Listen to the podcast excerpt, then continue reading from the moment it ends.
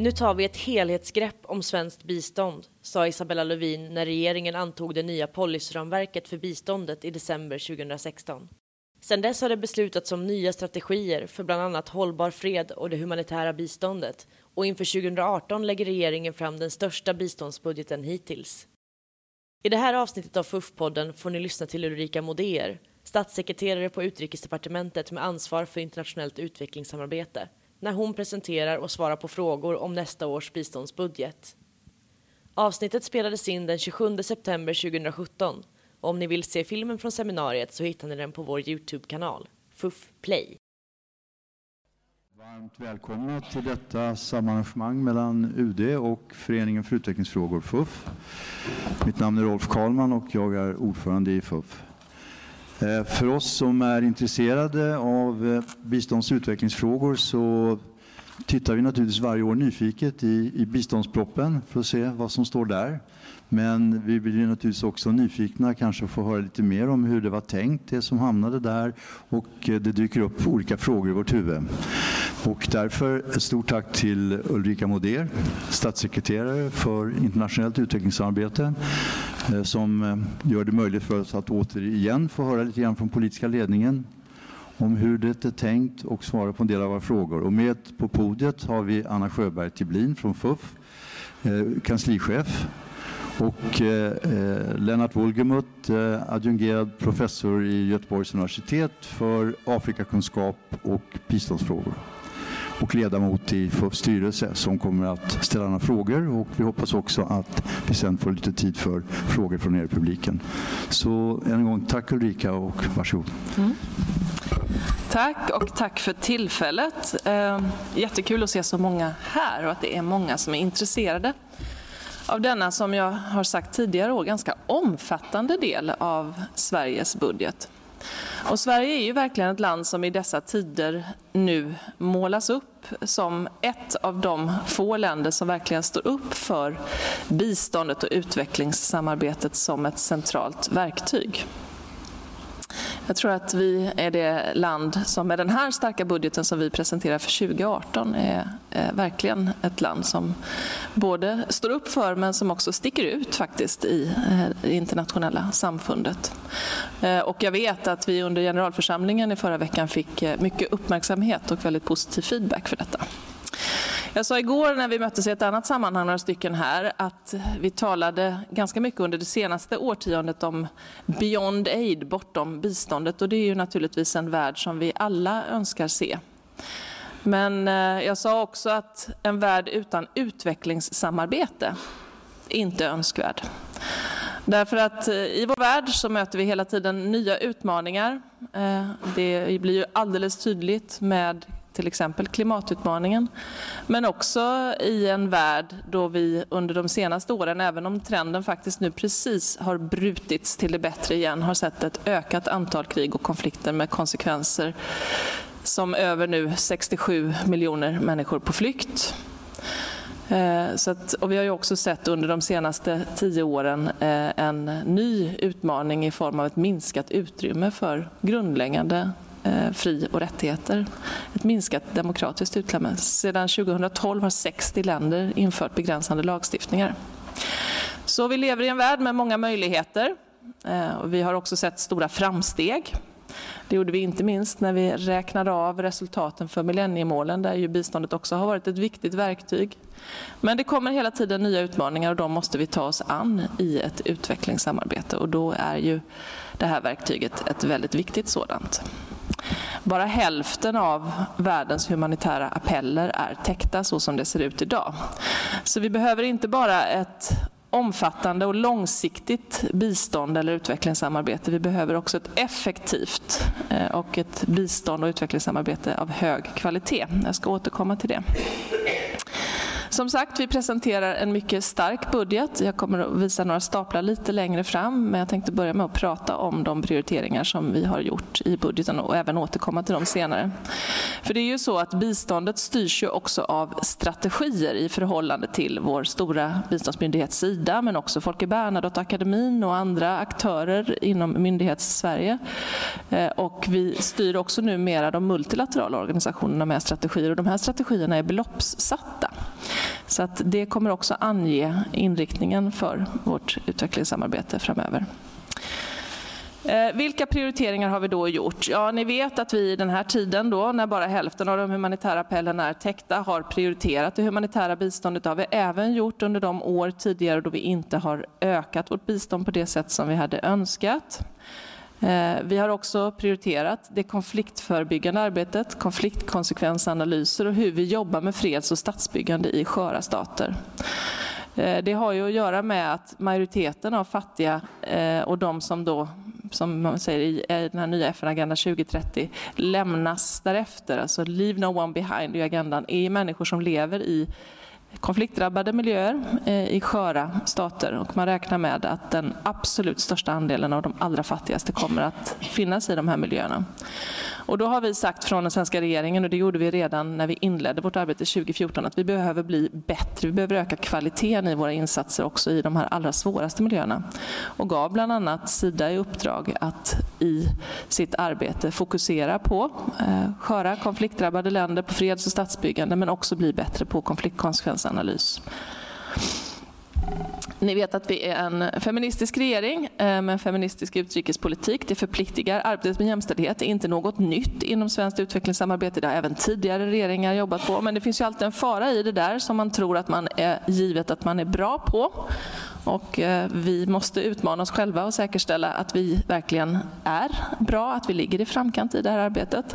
Och därför har bland annat Sida eh, inlett ett samarbete med EBA, expertmyndigheten för biståndsanalys, som nu följer Sida och gör studier över hur man integrerar arbetet med jämställdhet i alla utvecklingsinsatser.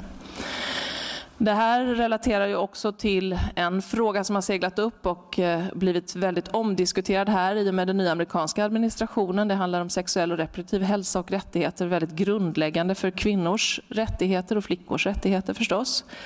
Eh, och här har ju också Sverige tagit ett ledarskap, bland annat inom ramen för det initiativ som kallas för She Decides.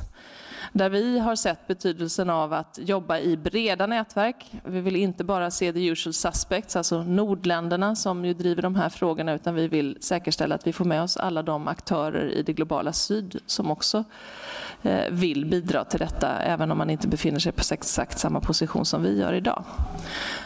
Eh, här finns också frågan, som i nästa punkt beskrivs, som att motverka det krympande demokratiska utrymmet. Eh, vi har ju ett mål för vårt utvecklingssamarbete fastställt av Sveriges riksdag som visar att när vi talar om fattigdom så talar vi om ett multidimensionellt fattigdomsperspektiv. Det handlar ju också om att man inte har tillgång till grundläggande fri och rättigheter och möjligheten till inflytande. Och ni vet ju att vi också ska ha ett rättighetsperspektiv i allt det vi gör. Och givet då den trend som vi ser som är väldigt och djupt oroväckande med så många fler länder som lagstiftar för att begränsa det demokratiska utrymmet så vill vi också öka insatserna på det området. Och vi har också bett myndigheten och fått ett underlag för hur vi metodmässigt ska jobba med de här frågorna. Som sagt, det handlar inte alltid om pengar utan det handlar också om hur vi gör saker och ting. Klimat, miljö, hav och naturresurser är också frågor som vi jämte frågan om konflikt har prioriterat i det svenska utvecklingssamarbetet. Som grund för detta fick vi ett underlag från myndigheten där man 2014 gjorde en analys av hur vi jobbar med de här frågorna, hur bra vi är på att jobba med de här frågorna.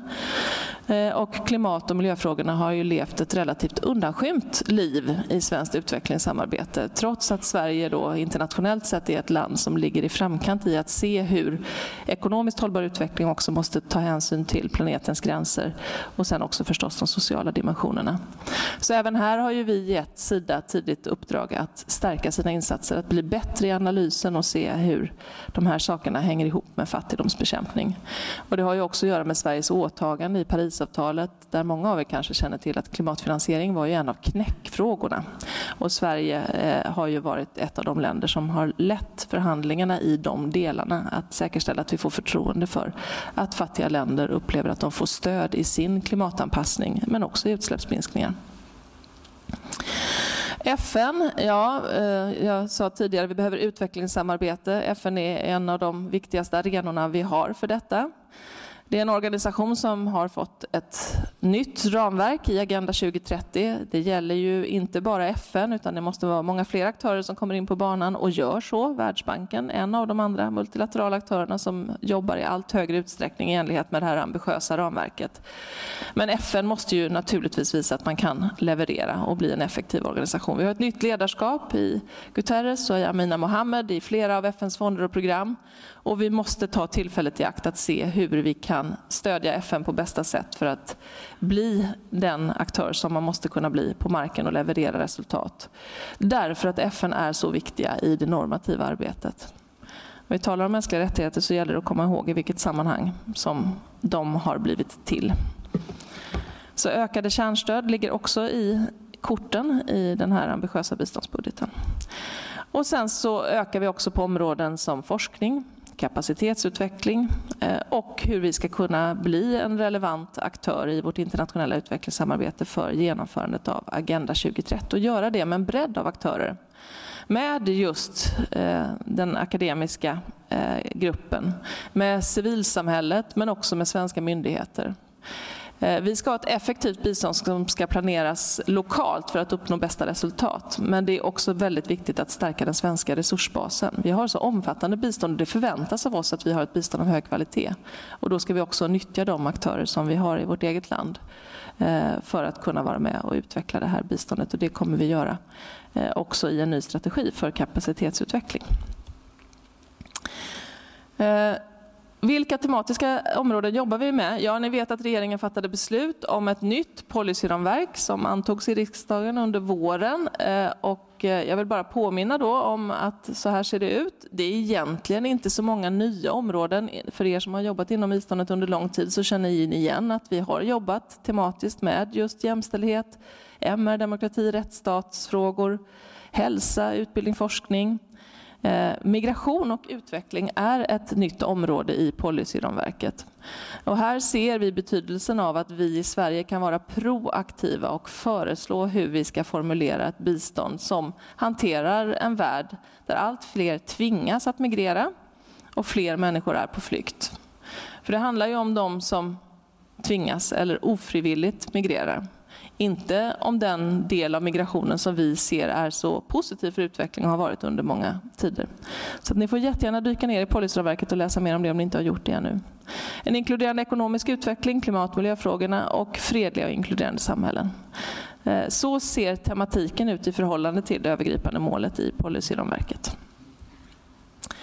Jag påminner också om de perspektiv som finns. Ni vet att riksdagen har fattat beslut om att vi ska utgå från fattiga människors perspektiv och ett rättighetsperspektiv. Och det handlar ju om att delta, att eh, vara med i planeringen, men också i uppföljningen och ansvarsutkrävandet. Och det relaterar ju också till rättighetskatalogerna. Och sen har vi då, som jag sa inledningsvis, lagt till att vi också måste ha en bättre analys på miljö och klimatfrågorna. Vi behöver ha bra utvecklade analysinstrument för jämställdhet och för konflikt. Nu kommer vi till pengarna. Eh, och eh, det här kan man vända och vrida på och jag hoppas att ni nu ska få en helt klar bild av vad det är som gäller. Biståndsramen för 2017 eh, var 46, eller är 46,1 miljarder kronor. Och biståndsramen för 2018 är 48,9 miljarder. Under den här mandatperioden så har regeringen tillfört ungefär 500 miljoner kronor varje år, alltså totalt 2 miljarder. Det har vi gjort därför att i inledningen av mandatperioden så meddelades att det här regelverket som heter ENS som eh, reglerar hur vi räknar ut vår BNI, det förändrades rent tekniskt och därmed så blev då budgeteringen för svenskt bistånd som låg på 1% 0,96 procent i ett slag.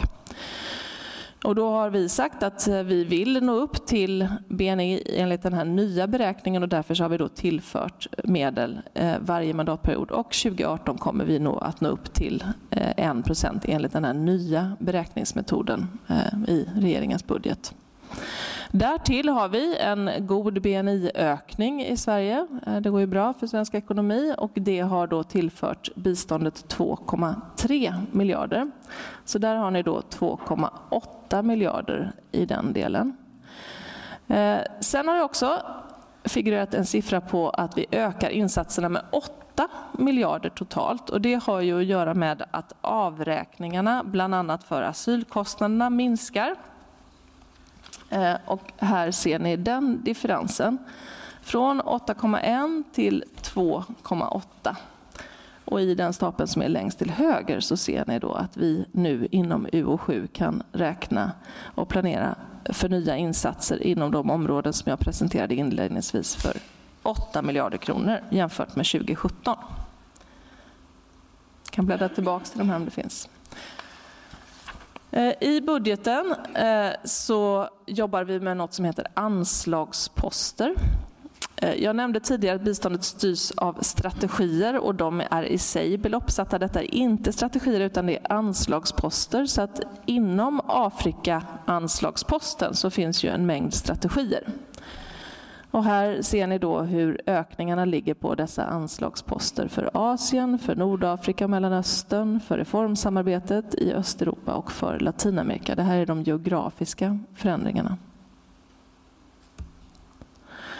Om man då bara tittar på, för jag tänker att det kan vara bra att ha en bild, hur ser det då ut med de geografiska bilaterala strategierna? Men här ser ni vilka som ligger i pipeline för att förnyas, uppdateras eller tas fram. Vi kan se hur vi gör de här tillgängliga om ni är nyfikna. Det kan vara många som är intresserade kanske av vilka som är på gång. Jag läser inte upp dem allihop men jag låter bilden ligga kvar en liten stund. Det görs ju årliga uppföljningar av de här strategierna och det görs också en midterm review så att ibland så kan ju strategierna på förekommen anledning också revideras och det fattas nya regeringsbeslut under de här perioderna om situationen i länderna förändras drastiskt. Sen har vi också då tematiska anslagsposter eh, och då ser ni det som jag har eh, beskrivit att vi då ökar fortsatt det humanitära biståndet. Eh, det känns givet på många sätt men jag vill också passa på att påminna om att vi måste ha en balans i vad vi jobbar med humanitärt och vad vi jobbar med förebyggande och långsiktigt. Och vi är också mycket verksamma i att följa upp då den så kallade Grand Bargain som det fattades beslut om på det första humanitära toppmötet. Där också de humanitära aktörerna är väldigt tydliga med att vi måste bygga broar mellan förebyggande och långsiktigt i förhållande till de humanitära insatserna. Eh, det finns en anslagspost som heter Hållbar utveckling och i den så ligger då tre tematiska, eh, flera tematiska strategier, bland annat en för socialt hållbar utveckling, för miljömässigt hållbar utveckling och för ekonomiskt hållbar utveckling. Eh, vi kommer att eh, göra en, som jag sa, relativt stor satsning på kapacitetsutveckling för genomförande av Agenda 2030. Här ligger mycket myndighetssamarbete, här ligger det som idag är ITP-kurser till exempel, där man ifrån våra samarbetsländer kan skicka Eh, eh, personer att delta i, i kurser eh, och olika typer av kapacitetsutveckling. Jag är väldigt glad för här har vi fått en del kritik. Vi höll tillbaka och minskade rätt så ordentligt på forskningen. Den har inte fått tillskott heller historiskt under tidigare regeringar. Nu går vi lite grann åt rätt håll i det här. Både i forskningen i det globala syd och en liten ökning också för det forskning som sker i Sverige genom Vetenskapsrådet. Eh, hållbar fred eh, är en annan eh, anslagspost. Här ligger en strategi och den ser väldigt liten ut i förhållande till till exempel hållbar utveckling. Men då ska vi komma ihåg att det ligger flera strategier. MR-demokratifrågorna har vi pratat om och stödet till civilsamhället och den särskilda strategi som finns för det som tidigare kallades folkrörelseanslaget ligger där också. Och sen en liten ökning på den informations och kommunikationsstrategi som vi dubblerade i inledningen av mandatperioden. Ja, jag tror att jag eh, låter den här ligga en liten stund. Som sagt, det handlar om att se också hur vi resurssätter då de strategier som kommer att komma. För det är det som då de facto styr mycket av myndighetens arbete, eller allt av myndighetens arbete. Ehm, och här ser ni också revideringarna då på de tematiska strategierna eh, som är på gång. Och det är ju viktigt att se att det är många nya strategier som kommer att antas här i närtid och ligger i pipeline alla de här hållbarhetsstrategierna. Vi kommer att ta fram en helt ny strategi vad gäller jämställdhet, kapacitetsutvecklingsstrategin, MR och också internationell och civil krishantering. Hur ser det då ut på den multilaterala sidan? Ja, även här är det ju som jag sa ökningar. Ehm, de fördelas sen i regleringsbrevet så vi får tillfälle att återkomma så att ni kan se, också ni som är intresserade, hur det fördelas mellan våra multilaterala eh, organisationer. Eh, och här har vi ju en ny ordning. Vi har från regeringens håll, eller tidigare regeringar, fått kritik för att det inte är lika tydligt hur vi fördelar och därför så eh, gör vi det nu i regleringsbrev så att det blir tydligare och mer transparent hur vi fördelar de multilaterala insatserna. Och vi fattar också regeringsbeslut och, och har också strategiarbete runt våra multilaterala insatser på ett mycket mer utvecklat sätt. Och vi har också inlett strategiska dialoger med flera av de helt centrala multilaterala organisationerna, bland annat Världsbanken, UNDP men också många, många fler. Där vi på högsta politisk nivå är tydliga med vilka prioriteringar och resultat vi vill se. Ja, här kom en slide om detta som jag pratade om.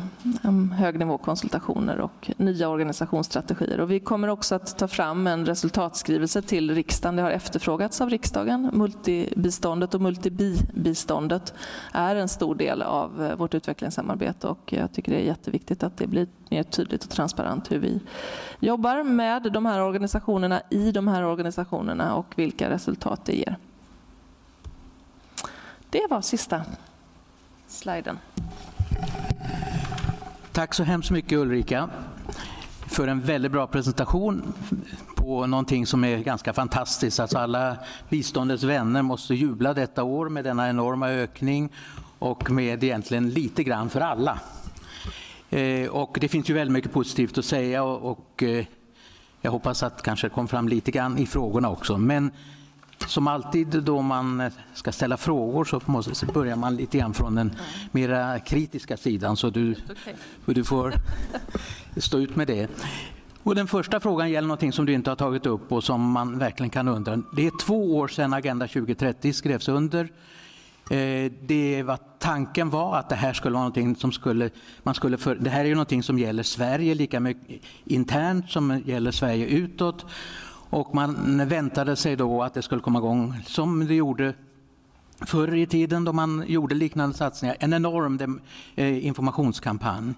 Två år efteråt ser vi väldigt lite av denna informationskampanj och vi vet egentligen inte riktigt vad som händer. Imorgon ska jag på Bokmässan förklara eh, var vi står vad gäller Agenda 2030 och jag vill gärna höra från dig Eh, delegationen för Agenda 2030, vad Sverige ska göra, la sitt förslag i juni i år.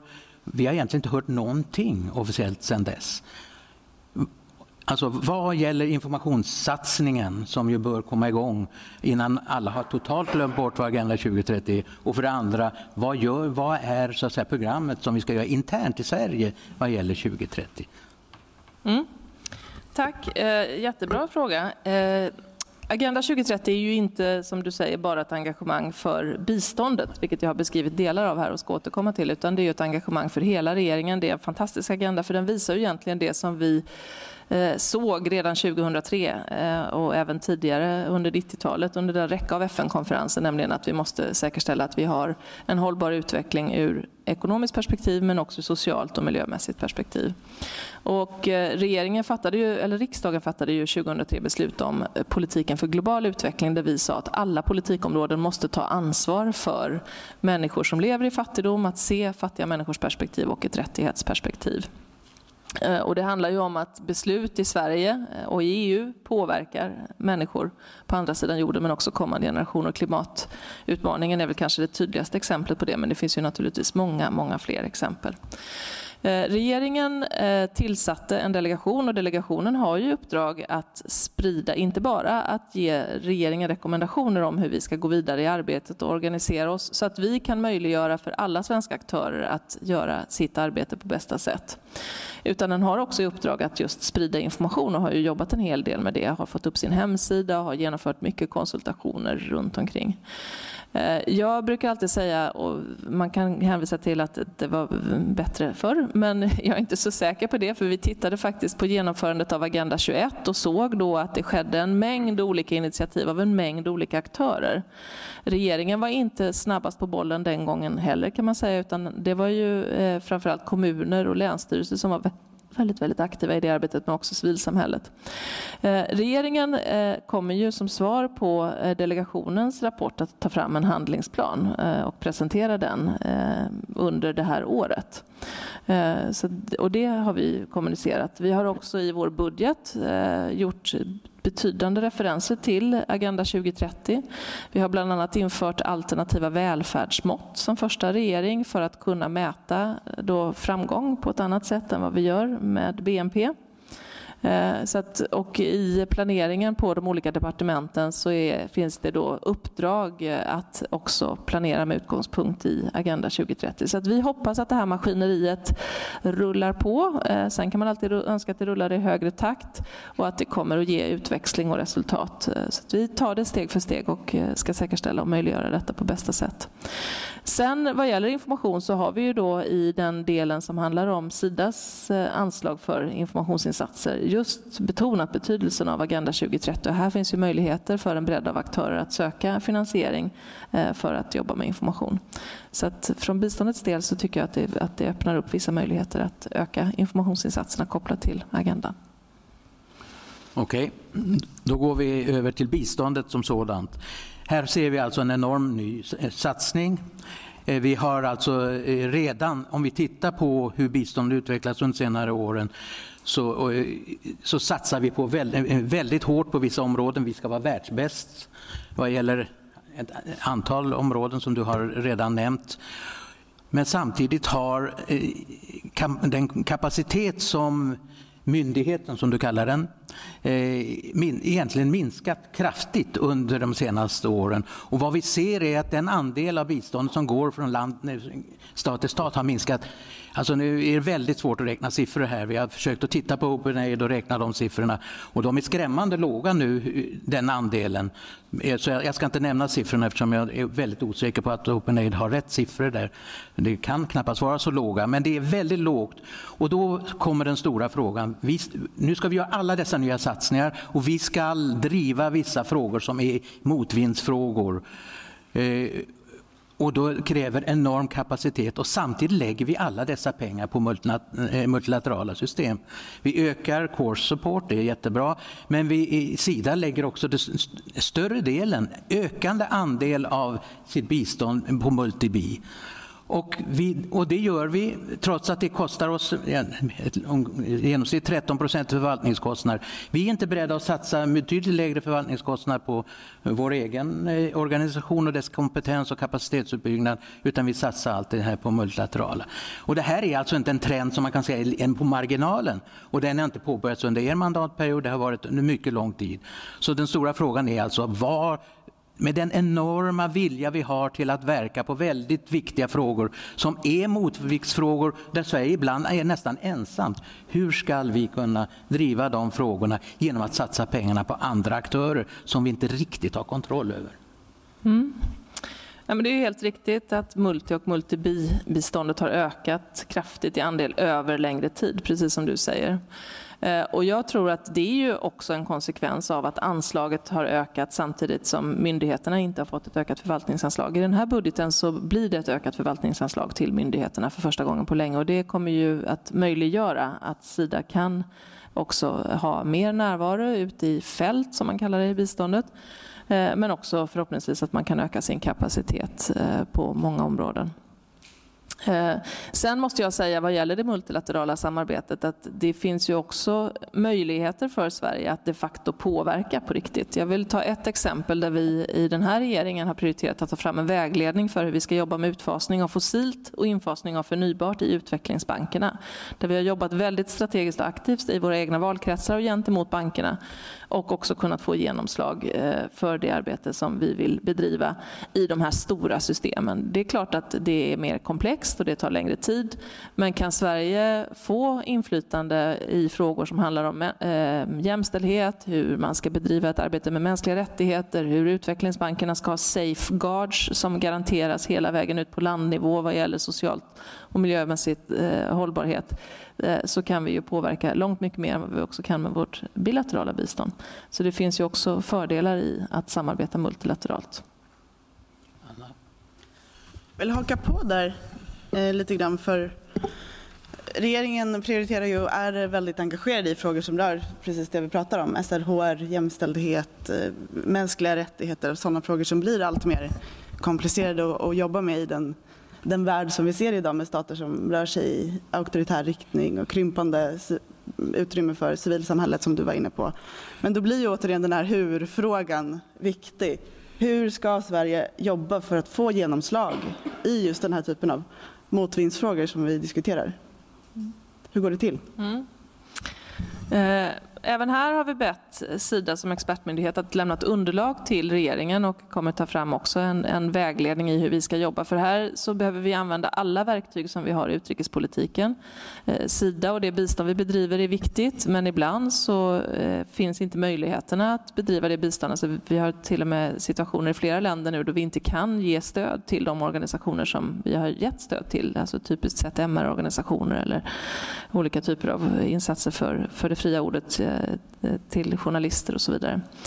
Eh, och eh, då har Sida tittat på erfarenheterna. Det är ju inte första gången eller i första sammanhanget som vi ser det här, hur man tycker att vi kan jobba mer effektivt. Och då behöver vi använda både de diplomatiska verktygen, vi behöver använda Sidas form för biståndet på ett klokt sätt och vi behöver också jobba normativt i FN-systemet för att driva på de här frågorna. Och det står verkligen och väger. Så den amerikanska eh, så kallade gag rule, den här munkavleregeln vad gäller SRHR, eh, den får ju genomslag. Vi väntar nu på vem som ska kliva in efter Babatunde i UNFPA eh, och vill ju säkerställa att detta blir en person som är beredd att stå upp för det här. Vi behöver backa fackorganen som WHO som lägger fakta på bordet och säger att den situation som vi har nu där vi kommer att se kommer vi se fler antal aborter och fler eh, kvinnor som, som, och flickor som, som dör och skadas i samband med, med graviditet.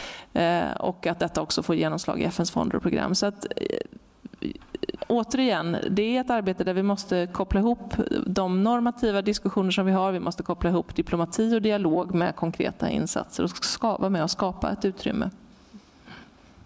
En följdfråga bara. Eh, du, allt du nämner att verka inom FN-systemet, att påverka normativt, att eh, arbeta inom olika former, att Sida ska ta fram nya tankar. Allt det här kräver kapacitet och kompetens på de här olika områdena. Och eh, tillbaka till frågan alltså, alltså med ett förvaltning, ja det är en ökning av förvaltningsanslaget som har varit väldigt jättetufft under de senaste åren.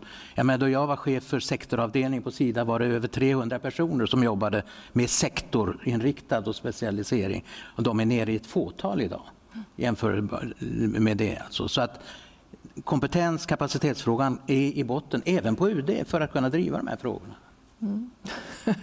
ja, ni hör ni som jobbar på Sida UD i botten och det var bättre för. Alltså, vi måste ju hitta former, och det sa jag inledningsvis, att öka kapaciteten och vi behöver använda en bredd av aktörer. Sida som myndighet, andra myndigheter, regeringskansliets resurser förstås, men också andra. Eh, och jag tycker att den här budgeten möjliggör det och åtminstone går i rätt riktning eh, när vi säger att vi också vill stärka strategi för kapacitetsutveckling där Sida som myndighet också kommer att kunna jobba med andra expertmyndigheter. Vi har ju också ett offentligt Sverige där vi har mycket bredare internationella relationer än vad vi hade historiskt. Vi vill ju se Sida som en expertmyndighet, men vi vill ju också att Sida ska ha kapacitet att dra på de resurser och den expertis som finns hos många andra myndigheter. När vi nu till exempel jobbar i den här stora satsningen kring hållbara hav så har vi ju en, en havsmyndighet i Göteborg som har internationella väl utvecklade relationer och god kapacitet att vara en aktör på det här området. Så jag tror att det här går att bygga på många olika sätt. Eh, och Sida jobbar ju också med så kallade helpdesk-funktioner där man också får stöd bland annat ifrån forsknings-Sverige men också internationellt ifrån eh, aktörer som sitter på kapaciteten. Alltså, och det är klart, den här begränsningen i hur stora förvaltningskostnader vi ska ha, det är ju någonting som man kan diskutera och säkert göra på många andra områden också. Men jag tycker att det är en framgång att vi ändå har kunnat matcha den här ökningen med ett ökat förvaltningsanslag, vilket inte har gjorts tidigare. Sen om det är tillräckligt och hur Sida organiserar sitt arbete, det är någonting som vi måste ta vidare. En annan fråga rör det här som du var inne på i din presentation, alltså avvägningen mellan det humanitära biståndet och utvecklingssamarbetet. Vi ser ju som sagt fler konflikter, naturkatastrofer som har lett till ökade humanitära behov och ni avsätter ju mycket pengar i budgeten för just det. Men sen finns det ju det här att förr eller senare så övergår de här akutsituationerna till situationer som behöver långsiktiga lösningar och där lyfter ni ju också behovet av samverkan och synergier mellan just humanitära insatser och utvecklingssamarbetet. Men återigen där hur-frågan, hur tänker ni er att, mm. att det ska gå till och kanske då inte minst i länder där Sverige inte har något utvecklingssamarbete utan bara finns humanitärt? Mm. Vi har ju ett exempel på det som jag tycker är väldigt intressant att följa. Jag hoppas att fler av er har tillfälle att göra det. Och det är den här så kallade Syrienkrisstrategin. Eh, erfarenhetsmässigt så vet vi att när man i länder, till exempel under Irakkriget, bara jobbade med humanitära insatser så var det väldigt mycket av institutionaliteten i länderna som föll samman mer än vad som kanske hade varit nödvändigt. Och det är ju enorma kostnader att bygga upp det här igen. Eh, vad vi gör nu i den här så kallade Syrienkrisstrategin det är ju att eh, se om vi också kan jobba med mer långsiktiga och kapacitetsstärkande insatser även i krisen, inte bara i Syrien utan också i grannländerna. Och det här är ju också någonting som andra aktörer ser och gör. Och ett exempel på hur till exempel UNHCR och Världsbanken samarbetar för att skapa nya former i den här bryggan mellan humanitärt och långsiktigt. Eftersom man ser att gör man inte det i den här typen av utdragna kriser och konfliktsituationer som vi ser eh, så är det ju till exempel hela generationer som står utan utbildning och kostnaden för den mänskliga kostnaden men också kostnaderna för samhällena att reparera detta blir ju enorma. Så det pågår ganska mycket praktiskt i det här fältet. Allt av det här är ju inte nytt utan det har ju ju, precis som vi brukar säga, biståndet, det har gjorts förut. Eh, men vi behöver verkligen eh, ta de här exemplen och goda erfarenheterna och växla upp och få bättre genomslag i helheten av utvecklingssamarbetet. Samtidigt ska ju sägas att många av de humanitära aktörerna påtalar betydelsen av att värna också eh, så, ja, den humanitära rätten. Ni vet att tillträdet i många av de mest utsatta miljöerna är, blir allt svårare. Men också de humanitära principerna att inte politisera eller riskera att politisera då de miljöer som, eh, där man behöver ha humanitärt tillträde. Så det finns ju balansgångar i detta som man också måste hantera. Men eh, i huvudsak så måste, är detta en av nyckelfrågorna för att verkligen kunna hjälpa människor som lever i utsatthet och för att också minska framtida kostnader eh, är att hitta bryggan mellan förebyggande, humanitärt och långsiktigt. Ja, en sista fråga innan vi eh, vänder oss till publiken.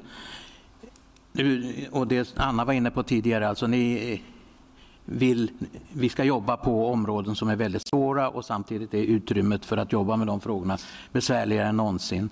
Och, eh, du svarade egentligen lite undvikande för du sa att ni har begärt att Sida ska ta fram, men ja, det står ju ganska tydligt i, i eh, eh regel verket som ni har tagit fram här, att eh, ni har en balans här mellan eh, att ni ska jobba med dialogens roll. Alltså, mm. och du nämnde själv diplomatiskt och, och, på olika sätt.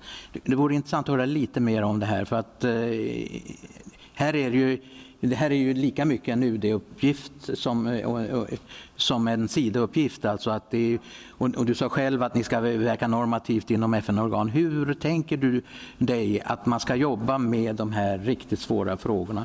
Ta en, en eh, neutral fråga som genderfrågan, eh, som, där Sverige nu är väldigt ensamt. Mm. Jag tycker inte Sverige är ensamt om man pratar om jämställdhet eh, som i ett bredare perspektiv. Eh, och inte heller om man pratar om den här känsliga frågan som SRHR. Vi har flera länder med oss, men det är inte tillräckligt för att den ska säkerställas. Och ni som har följt just den frågan vet ju att vi har inte kommit någon vart egentligen jämfört med vad vi var när eh, befolkningskonferensen i Kairo hölls eh, 94. Utan det har bara handlat om att försvara liksom, de ställningstaganden som gjordes då. Trots att vi, som WHO så tydligt säger, vet att det här är politik som är verksam. Eh, jag hoppas att jag inte var så undvikande och jag hoppas att ni hörde att Sida har lämnat ett underlag. Alltså regeringen fick det här underlaget på försommaren och eh, har nu tittat och tagit fram en, en intern handlingsplan för hur vi ska matcha då de här diplomatiska frågorna som vi behöver göra i våra bilaterala länder. Alltså vi har väldigt tuffa samtal med väldigt många av våra traditionella samarbetsländer. Senast har ju Kambodja uppmärksammats eh, medialt men också länder som Tanzania Tanzania och det här relaterar också till din fråga alltså med eh, tidigare budgetstöd eller sektorstöd. Alltså när eh, värdegemenskapen och den öppna dialogen inte finns på plats, då är det också väldigt svårt att ingå i den typen av mer direkt samarbete. Och här måste vi hitta formerna. Hur stödjer vi en institutionalisering och kapacitetsutveckling för att bygga väl fungerande samhällen som eh, kan klara sig bortom det traditionella biståndet? Men det, det är väldigt utmanande. Vi behöver jobba på många nivåer i diplomatin, i våra bilaterala relationer inom FN-systemet för att säkerställa att FNs fonder och program, vi har ju alltid väldigt tuffa diskussioner med UNDP som ju har också en enorm balansgång att gå de upplevs ju och är ju en partner till sina medlemsländer men ska ju samtidigt driva human rights up front och förklara hur eh, fungerande rättsstater och en demokratisk utveckling också är gynnsamt för eh, fattigdomsbekämpning och för eh, en ekonomisk utveckling. Så att vi, vi jobbar på många fronter i detta, både i de bilaterala relationerna, i det multilaterala systemet för att hålla då de aktörer som behöver vara på banan Eh, så långt framme som vi kan och, eh, vi, eh, och säkerställa också, också att det normativa arbetet inte backar utan då snarare går framåt. Och sen gäller det ju att verkligen hitta de här best practice och bra formerna. Alltså hur jobbar vi med stöd i miljöer där vi som regering får kritik för att vi ger stöd till då det som uppfattas som oppositionella eller som till och med helt illegitima Eh, aktörer. Och hur kan vi förklara att vi genom andra sammanhang också tycker att det är verksamt att ge stöd, till exempel i vårt omfattande folkrörelsesamarbete där vi vet att det pågår mycket samarbete mellan MR-organisationer i Sverige, MR-organisationer i våra samarbetsländer. Så vi, vi försöker skapa oss en kartbild och bygga på de erfarenheter som finns men också tänka framåt hur vi ska hantera den här frågan klokt. Okej, ordet är fritt.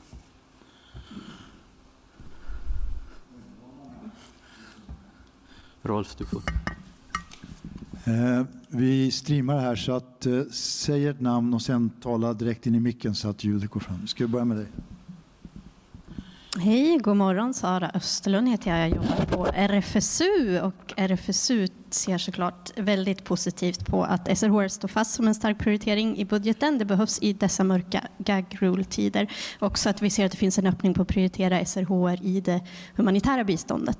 Eh, jag skulle vilja skriva, eh, ställa en ganska öppen fråga och det är eh, vilka prioriteringar ni ser inom SRHR-fältet eftersom SRHR är ju så brett. Vad du tror att Sverige kan göra mest nytta. Återkomma till huret igen, eh, utöver kanske det multilaterala biståndet, vad du ser för viktiga hur kring SRHR. Tack. Mm. Mm. Mm. Vi tar några frågor. Jag tror att eh, Hej, hej. Eh, jag heter Karin Olofsson. Jag är generalsekreterare för en organisation som heter Parlamentarikforum för lätta vapenfrågor. Vi samlar parlamentariker över partigränser för att minska och förebygga väpnat våld med fokus på små lätta vapen. Eh, jättepositivt. Tack så mycket för presentationen. Eh, och det, är ju, det är ju positivt att ta del av den här ambitiösa satsningen och ökningen i biståndsbudgeten. Jag har en fråga och en observation. Första frågan rör hur statssekreteraren ser på balansen när det gäller med tanke på att konfliktperspektivet är prioriterat, hållbar fred är prioriterat, fred och säkerhet och så vidare, vilket regeringen har lyft sedan starten för tre år sedan. Eh, hur motsvaras det av budgetsatsningen som är som vi såg där på stapeln är relativt begränsad monetärt, 135 miljoner om jag inte minns fel här nu, eh, med tanke på de andra strategierna som är mycket kraftigare. Och vi har ju lyft den här frågan tidigare och då vet jag att det har nämnts också från er sida att ja, men pengar är inte allt utan det handlar om politisk vilja, det här handlar om diplomati. Jo visst, men money talks liksom. Budgettilldelning är ett tecken på politisk vilja så att jag skulle gärna vilja ha en kommentar, kommentar till det, för det är ju ett sätt att förebygga förebygga framtida konflikter, att satsa mer på det och att förebygga också till viss del humanitärt bistånd. Observationen är att FN-satsningen, viktigt, bra. Eh, FN är oerhört viktigt normativt, men jag instämmer i, i det Lennart lyfte också, att det är så viktigt att titta på bredden av aktörer. Eh, många civilsamhället organisationer som vi har kontakt med runt om i världen, jag talar inte bara egen sak från vår sida, de kommenterar hur svårt det är att också få, till, få tillgång till stöd för sådant arbete som, som gäller att minska vapenspridningen och att jobba för hållbar fred ur det perspektivet. Så att jag vill bara skicka med det att det är oerhört viktigt att ha i åtanke mindre, mindre aktörer.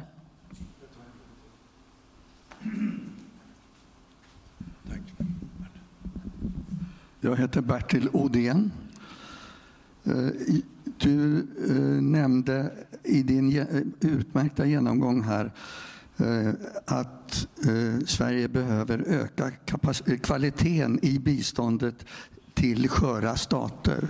Och mot bakgrund av att 11 av de stater i Afrika som styrs av, av strategier, landstrategier Eh, är just sköra stater så skulle jag gärna vilja att du utvecklade det lite grann. Tack.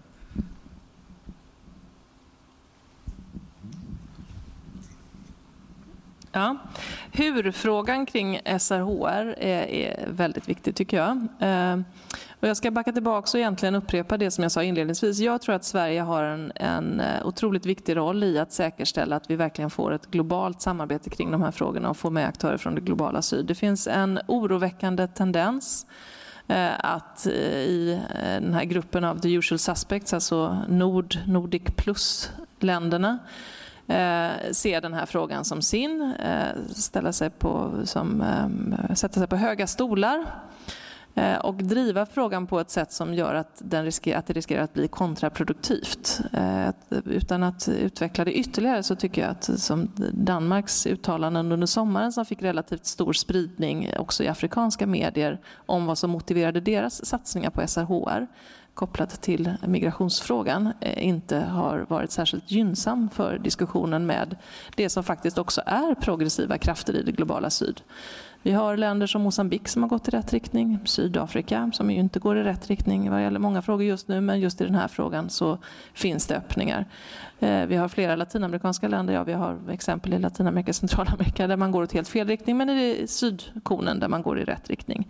Så att när det här initiativet togs kring She Decides då av den då nederländska ministern eh, som vi tycker var väldigt bra. Det är viktigt att snabbt kunna visa att det finns länder eh, och aktörer som står upp för så grundläggande rättigheter som sexuell och reproduktiv hälsa och rättigheter när amerikanerna går fram. Och de går ju fram med kraft och får genomslag för sin politik, inte bara i det amerikanska biståndet utan också eh, med risk för då FNs fonder och program till exempel.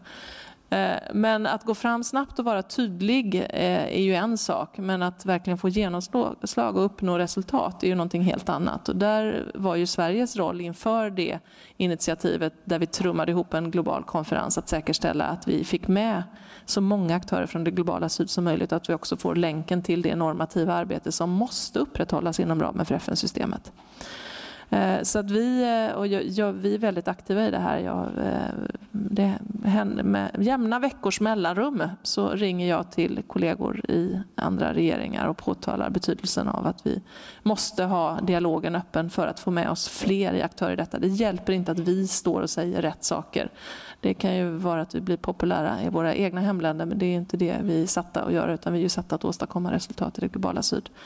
Sen en annan eh, sak som jag tror är jätteviktig och där det händer saker men som inte heller är helt enkel det är ju det du pekade på själv. Alltså hur jobbar vi med SRHR i humanitära situationer? De humanitära aktörerna vill ju inte märka ut SRHR-insatserna Eh, av förklarliga skäl. Eh, men samtidigt så vet både de och vi att detta behövs eh, och då behöver vi utveckla arbetet vidare. Och apropå att märka ut så hoppar jag till nästa fråga. Så hur kan vi beskriva vad gör vi på konfliktförebyggande budgetmässigt? Lennart sa att det var svårt att ta sig fram i då Sidas Open Aid. Sverige är ju ändå ett av de länder som har vinnlagt sig om att försöka ha en transparens och vi har som jag sa ökat transparensen till exempel i förhållande till de stora multilaterala insatserna då med regeringsbeslut och tydligare eh, också beredningar eh, kopplat till strategier. Eh, men vi lever med ett system som jag tror är bra och viktigt där ju OECD-DAC har talat om vilka markörer vi ska ha för att kalla eh, då bistånd för olika saker. Samtidigt så vet vi att hur vi klassar då olika insatser Eh, innebär nödvändigtvis inte att liksom, den insatsen inte är nyttig för någonting helt annat. Så det är väldigt, väldigt svårt att dra ut ur biståndet liksom, hur mycket pengar går till område X, Y eller Z. Ofta också för att inte de här klasserna som vi letar efter finns i det här klassificeringssystemet. Och det Eh, är ju någonting som jag tror att väldigt många är frustrerade över. Eh, vi tycker också att det är besvärande när vi vet att det finns insatser men vi hit, som hittar inte den matematiska formen för att summera ihop dem. Så jag tror att den här strategin kring hållbar fred där vi ökade insatserna är ju en del av det vi gör. Du pekade själv på att det görs en hel del i det multilaterala systemet och där har ju Sverige också drivit frågorna om just tillgänglighet eh, för lokala organisationer. Inom ramen för det här Grand Bargain där vi pratar om humanitära insatser så är det en av de så kallade working streams då, där Sverige verkligen har drivit att man ska få mer utväxling lokalt. Alltså att FN jobbar ju ofta med stöd till lokala organisationer men i alldeles för liten utsträckning. Så att vi försöker också i det multilaterala systemet växla ut mer pengar till lokala aktörer för att stärka lokalt ägarskap. Eh, så att vi får nog mötas någon gång och titta lite grann på vilka andra delar av biståndet eh, utöver då den här relativt nyligen antagna strategin kring hållbar fred som kan vara nyttig för ert arbete Eh, kring lätta vapenfrågorna. Eh, kvaliteten i sköra stater. Ja, vi har ju haft tillgång till mycket lärande på det här området genom att Isabella Lövin har varit medordförande i den internationella dialogen för freds och statsbyggande. Eh, det är ju ett av de sammanhang där man har försökt samla erfarenheter och utveckla nya metoder för att jobba med eh, utvecklingsinsatser i de här allra svåraste miljöerna. Eh, Somalia är väl kanske ett av de bättre exemplen vi har där vi också har ett bilateralt bistånd där man försöker se hur alla olika delar hänger ihop. Alltså hur kan man jobba med eh, institutionsuppbyggnad i ett så totalt raserat land. Eh, nu har man tagit ett första steg mot det som vi hoppas blir riktiga fria demokratiska val. Eh, man tar stapplande steg för att bygga institutioner i ett land och som har varit liksom helt utan fungerande institutionalitet. Eh, och det som är, är, intressant här är ju att man också tittar på hur detta hänger ihop med säkerhetsfrågorna. Eh, att se biståndet i ett större sammanhang, att bli bättre på det. Det är också en diskussion som pågår i förhållande till biståndet. Väldigt många länder, givarländer vill ju täcka ytterligare säkerhetskostnader då ifrån sina biståndsbudgetar. Och vad, vi gör, eh, vad vi säger är ju att vi behöver se de här sammanhangen och det är jättetydligt i den internationella dialogen att man behöver jobba med säkerhetsfrågorna i relation till utveckling. Men det betyder inte att vi behöver täcka kostnaderna fullt ut ifrån biståndet därför att då får vi inte kraft i det som måste vara utvecklingsinsatserna. Eh, Isabella Lövin kommer att lämna över ordförandeskapet och vi ska göra en summering också av vad vi har lärt oss i förhållande till eh, då den här internationella dialogen för freds och statsbyggande. Det finns ganska mycket material på regeringens hemsida och på annat håll där man kan ta del av detta. Men det har varit en väldigt nyttig erfarenhet för den ambition vi har. Det här är ju någonting av det absolut svåraste. Men som sagt var, antalet och andelen eh, av de allra fattigaste kommer att vara i den här typen av miljöer. Eh, och då måste vi hitta formerna för att jobba med bistånd trots att det är otroligt svårt och riskfyllt förstås på alla möjliga sätt. Det är risk för de eh, insatser som vi gör i form av eh, pengar men det är också stor risk för, för den personal som jobbar.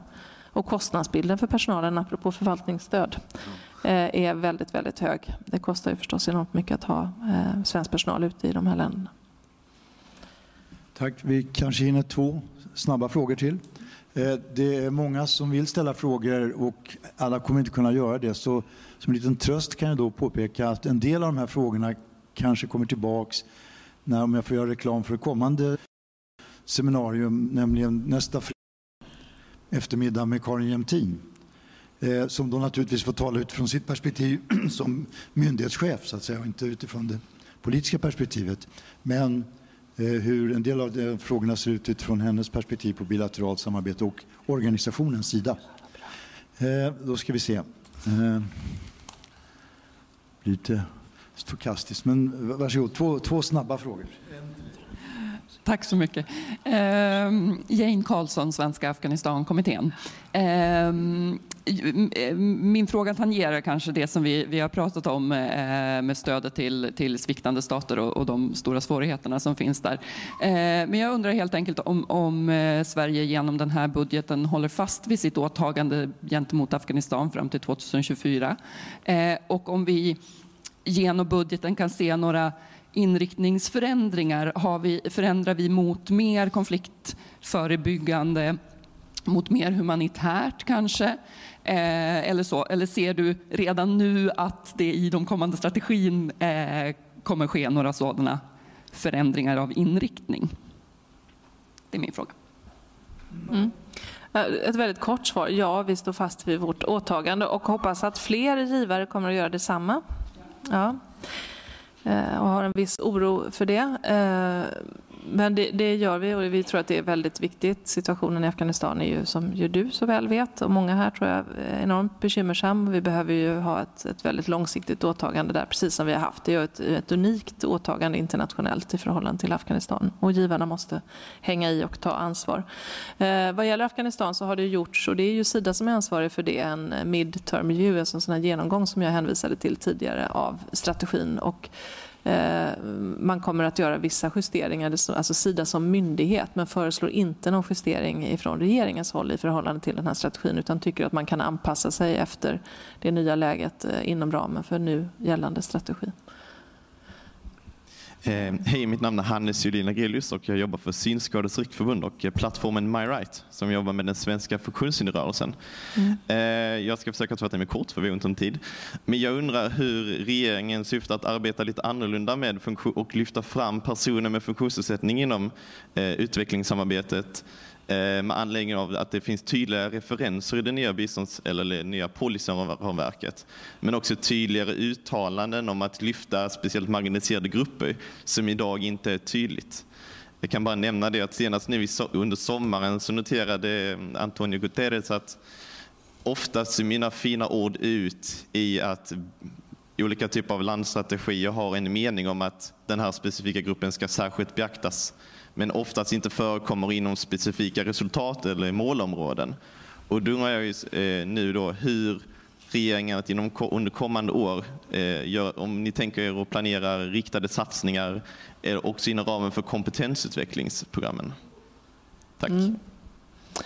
Tack. Vi har haft tillfälle att eh, tala förut och ni har ju gett också bra underlag och gjort studier på det här området. Eh, om jag väldigt kort ska svara så tror jag att ett av de viktigaste greppen som vi kan ta är ju det här omtaget kring rättighetsperspektivet. Så jag tror att ibland när vi för in den här typen av begrepp att eh, hela biståndet ska genomsyras av ett rättighetsperspektiv så finns det en ganska levande diskussion kring vad det innebär. Det sker metodutveckling. Eh, och sen blir ju det här någon form av buzzwords. Och vi har ju sagt och också tydliggjort när vi eh, styr och ger uppdrag till Sida att ta fram underlag för strategier att vi vill se den typen av omtag kring rättighetsperspektivet. Att de handläggare och medarbetare, aktörer som finns med och formulerar utvecklingssamarbetet ska bli bättre i sin omvärldsanalys och verkligen se vad är det för grupper som är diskriminerade i det sammanhang som vi vill verka. Eh, och då är ju personer med funktionsnedsättningar och funktionshinder en sån grupp där jag tror att, att vi behöver påtala det. Men det finns också andra grupper. Eh, och vi har ju också sagt, och det är därför vi inte skriver, vi säger, pratar om det här omtaget, att vi inte vill skriva ut enskilda grupper utan det som vi tror är otroligt viktigt är att man stärker sin omvärldsanalys och förstår vad det de facto innebär att göra en analys utifrån ett rättighetsperspektiv och titta på de diskrimineringsgrunder som finns och den situation som finns när man då planerar sina insatser. Och vår förhoppning är ju att man då kommer att bli bättre på att se också eh, personer med funktionsnedsättningar i den analysen. Mm. Jättesnabbt då. Hej, jag heter Viktor Åström och är chef för Naturskyddsföreningens globala verksamhet. Ehm, eh, vi ställer en fråga om additionalitet och klimatpengarna. Väldigt kort då. Anser ni i regeringen att ni tillför additionella pengar, de 500 miljonerna utöver biståndet? Den här frågan har jag svarat på så många gånger, men jag gör det gärna igen. Eh, när vi kom in i regering 2014 så hade vi planerat för, och det är också skrivet så i den första budgeten, att vi skulle ha additionella medel utifrån då den eh, BNI-uppräkning som gjordes enligt den modell som låg till grund för eh, budgeten då. Eh, sen hade vi ett faktum att hantera som handlade om att man gjorde den här tekniska justeringen av ENS eh, som gjorde att eh, biståndsbudgeten förändrades i förhållande till enprocentsmålet. Och då beslutade vi att vi fortsatt skulle tillföra 500 miljoner, det vill säga 2 miljarder, det som var ambitionen då inledningsvis att ha additionella pengar utöver 1 procent enligt den tidigare modellen, men som nu har blivit en del av att nå upp då till den här nya beräkningsmodellen. Det är inget annat land som har gjort det. Väldigt många ligger kvar i den andra ENS-beräkningen. Det låter ju lite tekniskt helst. Men ett faktum kvarstår det är att den här regeringen har tillfört 2 miljarder. Eh, och vi hoppas att vi ska få se, vi har inte sett det fullt ut ännu i oppositionsbudgetarna, men så ser det ut. Tack så mycket. Så stort tack än en gång Ulrika för att mm. du tog dig tid att komma hit och prata om proppen. Mm. Och tack till er alla som har kommit hit och medverkat, ställt frågor och så. Lennart har någon sista sak. Just det. Ja, för att bara visa att det inte bara är det förflutna som kommer till det så ger jag dig den senaste doktorsavhandlingen som kom ut förra veckan som är väldigt intressant läsning som vi kommer tillbaka till på FUF. Det heter Ownership och Donorship och handlar om resultat i förhållande till ownership och är en väldigt bra genomgång av dagsläget. Tack. Vi försöker spåra den i nästa propp. Ja. Än en gång, stort tack till er Ja, allihopa. tack själva.